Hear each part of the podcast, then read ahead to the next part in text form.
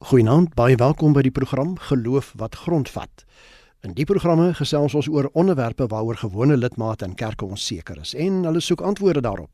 Ek is Flip loods en by my verwelkom ek vanaand vir professor Christina Landman, professor in teologie aan Unisa. Goeienaand Christina. Goeienaand Flip. Ook verwelkom ek vir professor Mary N Plaatjies van Huffel, sy is dosent in kerkreg aan die Universiteit van Stellenbosch. Goeienaand, hoe kan jou Mary N? Goeienaand Philip. En u as luisteraar kan gerus deelneem ook aan hierdie program op een van die volgende maniere. Ons SMS nommer is 45889. Onthou net die SMS se kos R1.50 elk en ons e-posadres rsg.co.za. Onthou ook dat hierdie program nie aan jou as luisteraar voorskrifte gee van presies hoe om te lewe nie, maar riglyne waarbinne jy self keuses kan maak. En RSG stem ook nie noodwendig saam met die opinie van enige persoon wat aan die program deelneem nie.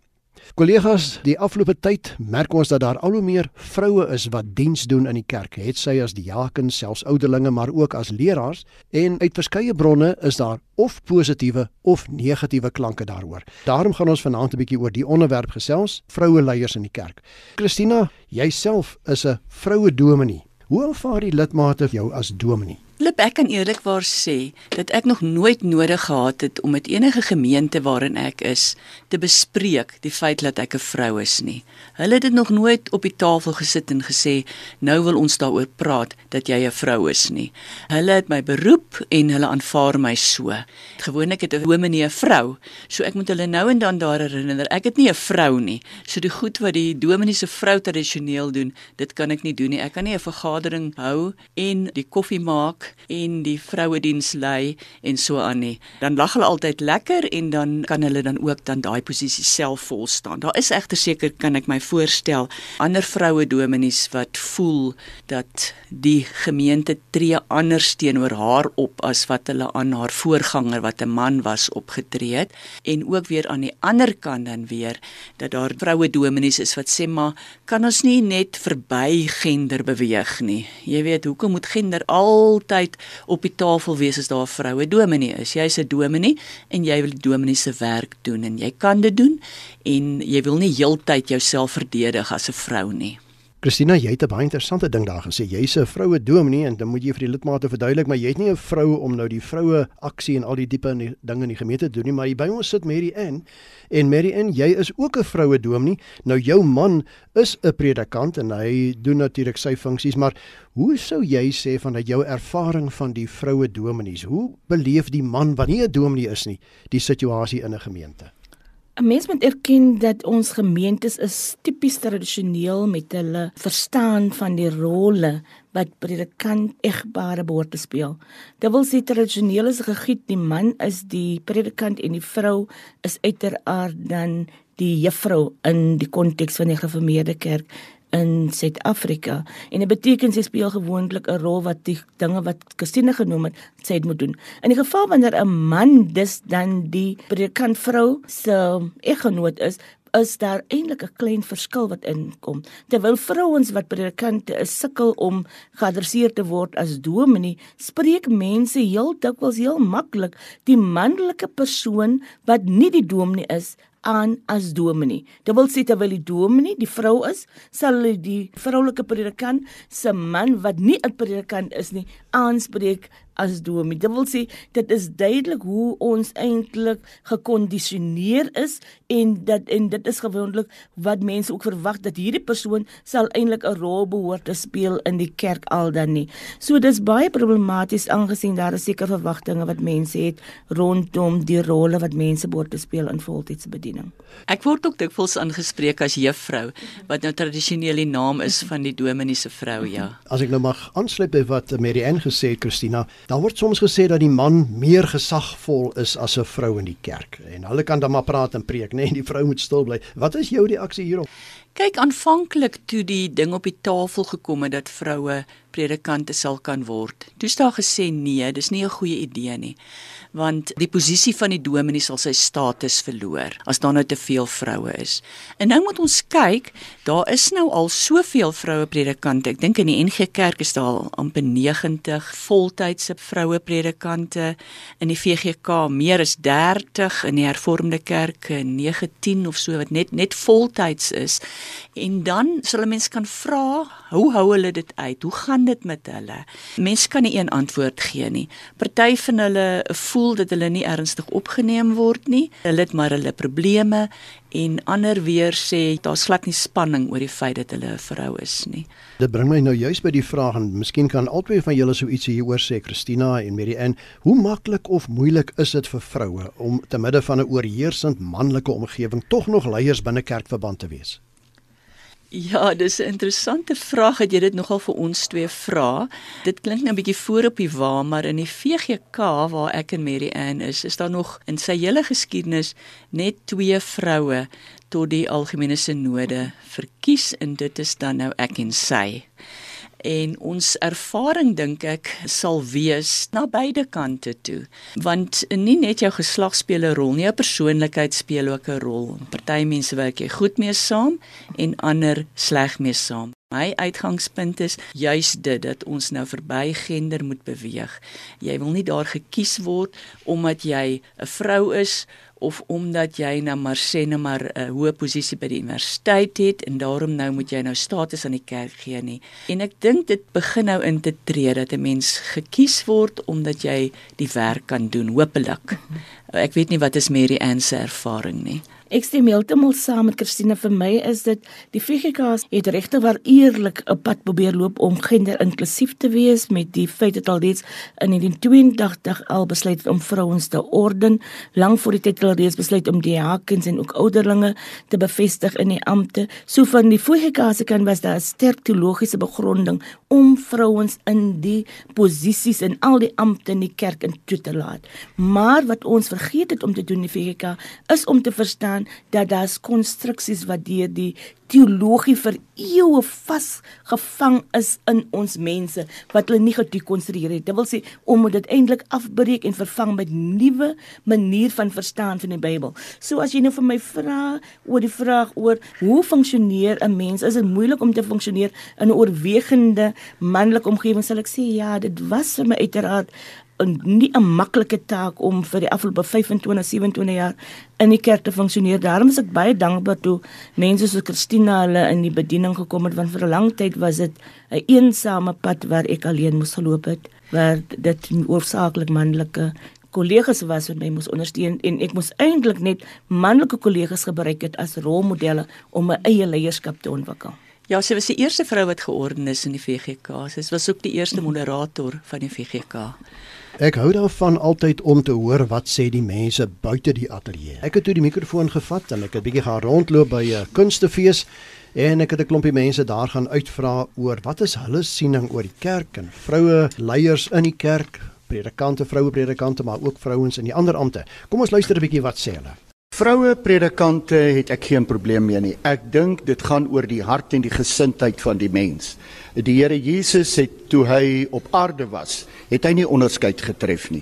En ek dink daar is plek vir vrouens ook. Ons moet seker maak dat ons harte met die Here reg is, het sy ons mans of vrouens is. So vrouens kan die woord van die Here ook verkondig as gelowiges. Vroue predikante het 'n ander manier om te werk met hulle gemeente dit en hulle betrek die mense baie meer. Ek dink 'n vrou het haar rol ook, maar ek dink nie as ek kyk na die hele bediening van die Nuwe Testament, God roep die man die vrou in die huis. As mens gaan lees, daar's nie 'n onderskeid in gesagsposisie nie, maar ek dink die man as hoof van die huis word baie eksplisiet in die Nuwe Testament gestel.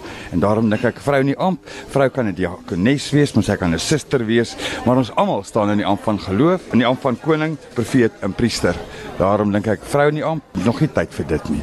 Dit kan dalk werk as hulle nog steeds onder gesag is, want dit is God en dan die pastoor en dan die vrou.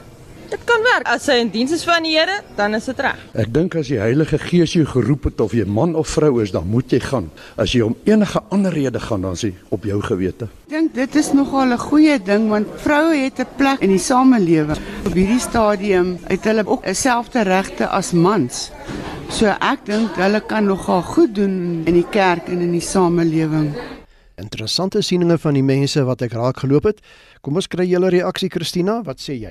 Flip wat navorsing gewys het is dat wanneer jy 'n vroue dominee het, dit nie noodwendig die vroue op voetsool vlak se lot verbeter nie. En ons het al 'n hele klomp mans gevra oor wat dink hulle oor vroue predikante en wat dink hulle oor vroue se rolle, dan gee hulle altyd die polities korrekte antwoord. Maar as jy hulle dan nou met 'n vraag ook 'n bietjie uitvang, dan sal jy sien dat hulle sal eintlik maar in hulle persoonlike lewe dan nou nie 'n vrou verkies wat werklik 'n leier wil wees nie of wat in 'n sterker posisie as hy is nie. Sy moet sê maar 'n posisie hê waar sy geld verdien om die huishouding te help aan die gang hou, maar sy moenie regtig 'n leierskapsposisie hê nie. So ongelukkig vroue dominees maak nie noodwendig die lewe vir ander vroue beter nie. Marianne? Wat belangrik is van die insetsel wat ons nog net geluister het is dat dit blyk dat daar 'n gebalanseerde siening oor die rol en aanvaarding van vroue nie aan positief gesê is daar is blykbaar mense wat ervaar vrouens in 'n orde posisie het blykbaar met die meelewing van 'n vrou in die posisie het blykbaar geskuif na 'n positiewe aanvaarding van die vrou nie aan. Dit is duidelik ook so uit die insetsel waar mense nog nie ervaar het dat vrouens kan wel in 'n orde posisie funksioneer in 'n gemeente nie. Hulle nog altyd vrouens wil beperk tot die rol as diakens. Deur die, al die dekades wat hier die diskurs in die kerk gevoer is, wat dis die soort scenario wat oor en oor geskep is en wat mense oor debatteer en sê dat sommige aanvaar as gevolg van die blootstelling aan vrouens se orde aan en ander sê nee glad nie vir my op die oomblik nie.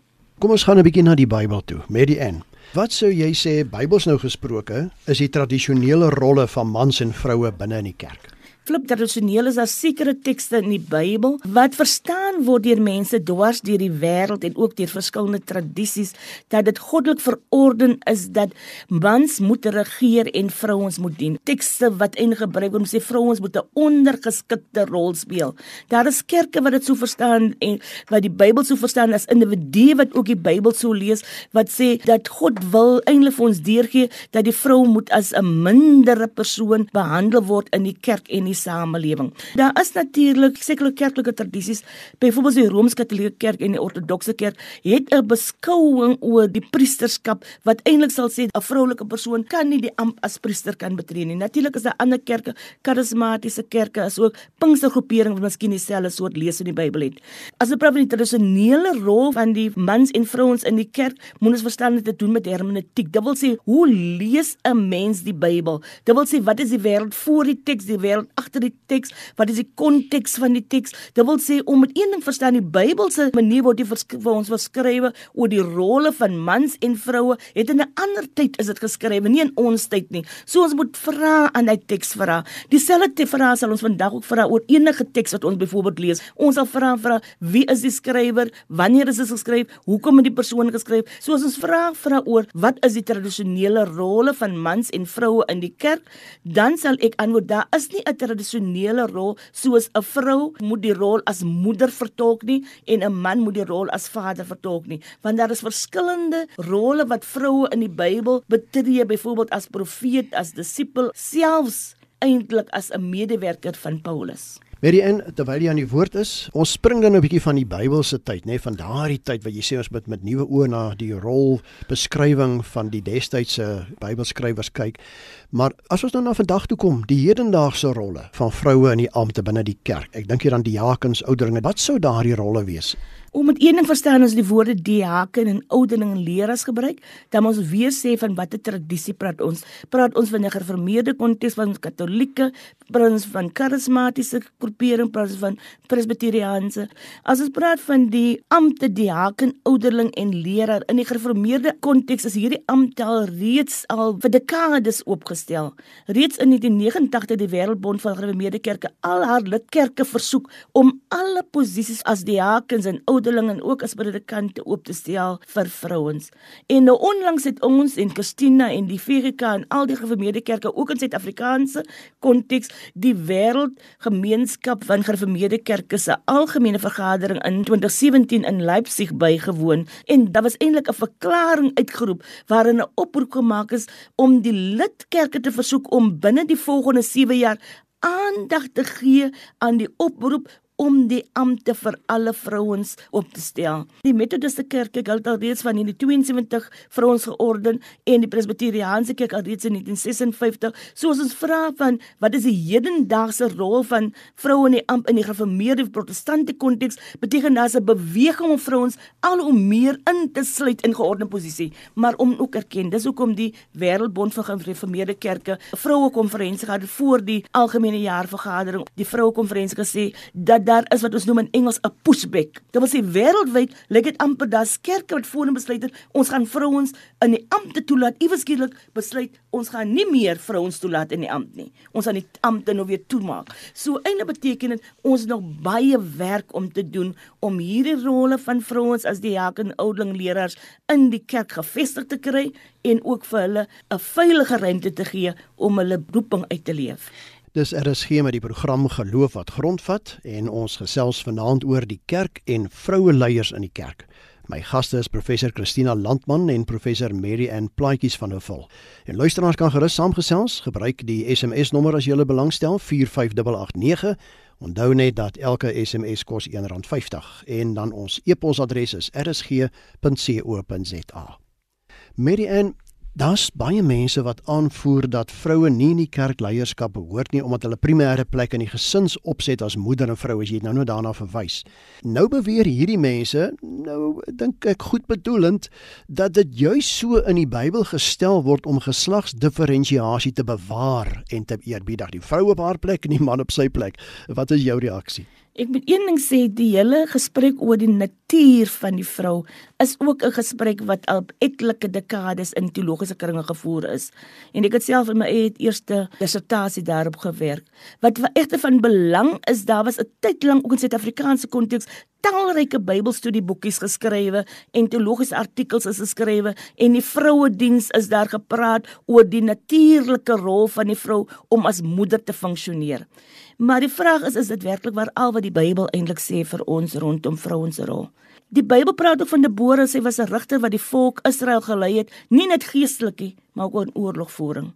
Dit wil sê sy is 'n moeder wat opgestaan het om haar volk te lei. Die Bybel gesê al so oor Deborah, leiers het ontbreek in Israel, leiers het ontbreek totdat ek Deborah 'n moeder opgestaan het. In die Bybelse teks sien ons dat vrouens funksioneer nie net as 'n moeder nie, maar ons sien dat geïntegreerd verstrengel is dat kan as profeet, as opperbevelvoerder, as mede-apostel, as disipel kan hulle rolle speel in die kerk en ook so in die gemeenskap. Nou jy dalk sê ek ook vir iemand maar wat nou van Debora sy dan 'n leierskapsrol gehad. Hy sê weet jy, die Here het daai vrou gebruik om vir die mans te wys hoe swak hulle is en om hulle aan te spreek.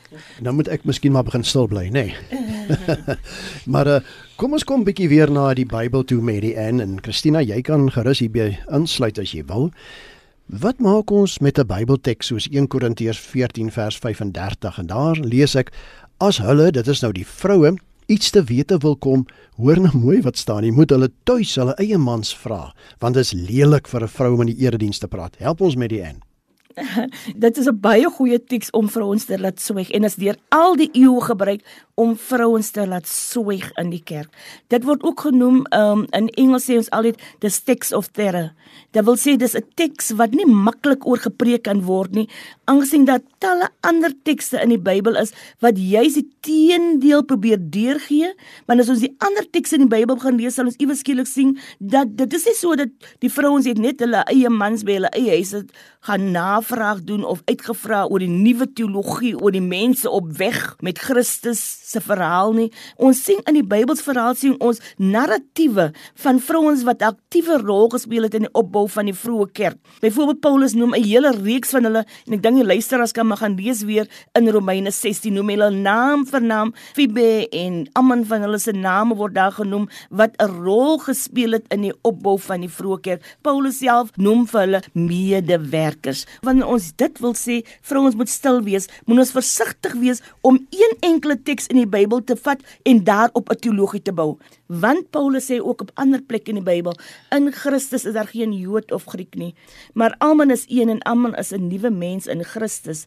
In hom het ons 'n nuwe identiteit waar ons niemand op grond van ras of kultuur of taal as minderwaardig kan beskou nie. Nee, As Christene moet ons na mekaar kyk as broers en susters in Christus gelykwaardig.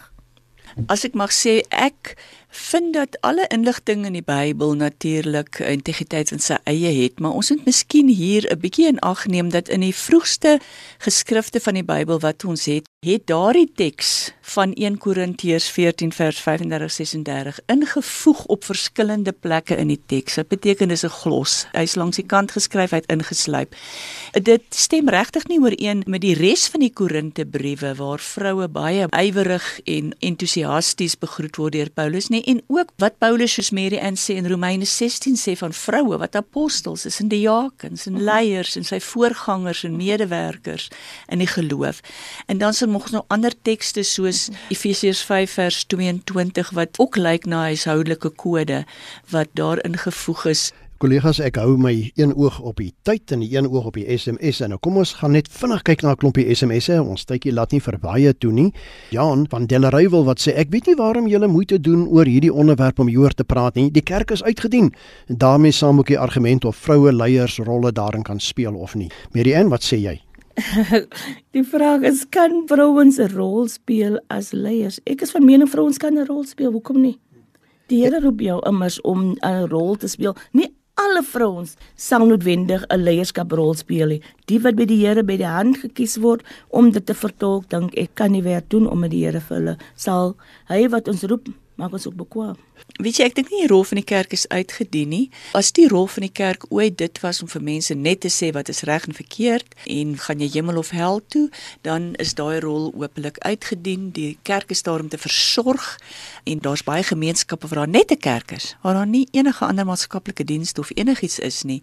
En die kerk se rol as 'n versorger, sowel geestelik as fisies, is definitief nie uitgedien nie en vroue bring juis daar 'n baie sterk nuwe perspektief en energie. Nou dit lyk vir my dat 'n uh, Fanie van Johannesburg bietjie van jou verskil Christina. Hy sê waar in die Bybel staan dat vroue mans mag leer en oor hulle regeer in die kerk. Dit staan presies daar in Romeine 16 waar Paulus dan nou vroue erken as uh, apostels, as diakens. Ek dink nie die vroeë kerk wou die een oor die ander een regeer nie. Paulus se idee was juis dat hulle juis in hierdie nuutgevonde harmonie met mekaar sal saamwerk en dat God en Jesus se boodskap boodskap dit juis moontlik gemaak het dat mense wat voorheen deur geweldige sosiale lyne van mekaar geskei is in hiërargieë en in genders dat hulle nou juis een in Christus kan wees. Maar hier's nou nog 'n ek wil amper sê 'n hartseer SMS Mary Ann. Dit is anoniem. Ek is 'n vrou en 'n diaken in die kerk. Ek sien dit as my roeping, maar ek voel asof die mans op my neersien as 'n tweede rangse kerkraadslid. Hoe voel jy? Dis verskriklik jammer anoniem dat u so voel. Ek sou sê dat miskien is belangrik dat u dit met u dominee of pastoor behoort uit te klaar om saam met hom of haar daaroor te gesels, want dit is baie moeilik om in die bediening te staan en te voel jy is nie goed genoeg of tweede rangs soos jy eintlik probeer deurgee in die bediening van die Here. Ons moet saamvat. Marianne, hoe sien jy die toekoms van vroue leiers in die kerk? in kort sien ek 'n toekoms waar vrouens en mans gesamentlik sal deel aan die leierskap van die kerk, waar beide mans en vroue mekaar se verskeidenheid genadegawes sal respekteer, maar waar 'n ruimte gemaak sal word vir 'n verskeidenheid leierskapstyl waar beide mans en vrouens die kerk kan mee verryk. So ek bid daarvoor vir 'n toekoms waar vrouens aanvaar sal word as medegenote in Christus. Christina, watter bydrae dink jy kan vroue leiers in die kerk lewer? Ek dink elke individu wat geroep voel tot leierskap in die kerk en ook deur die kerk so bevestig word, gee sy of haar eie unieke bydrae. Ek sal bly wees as daar tyd kom dat dit nou nie spesifiek deur geslag bepaal word nie, dat jy binne jou talente 'n leier kan wees, maar dan sê ons altyd by as ek nou die Engels kan gebruik 'n servant leader. Die leierskap wat hierargies is, wat jy op mense se koppe trap, wat jy die belangrikste wil wees, daarin moet asseblief uitgaan. Vroue het baie daai idee ingebring dat ons nou nie meer so sulke leiers kan wees nie, maar uiteindelik is die vroue nou van die kant af na die sentrum toe ingebring in die kerk en daar wil hulle as individuele geroepenis 'n bydrae lewer. So val die sand deur die uurglas en vanaand se geloof wat grondvat. Baie dankie dat jy as luisteraar saamgekuier het. En 'n baie groot dankie aan my twee gaste, dis professor Christina Landman en professor Mary Ann Plaatjies van Huffel. Christina, Mary Ann, indien van ons luisteraars verder met julle wil kommunikeer, hoe kan hulle dit doen? Christina, kom ons begin by jou. Hulle kan gerus my 'n WhatsApp stuur of 'n SMS by 082 377 2574. En Mary Ann? Hulle kan my kontak per SMS of op die WhatsApp deur middel van die volgende selfoonnommer 079 1090046. En my e-posadres is flip@mediafocus.co.za.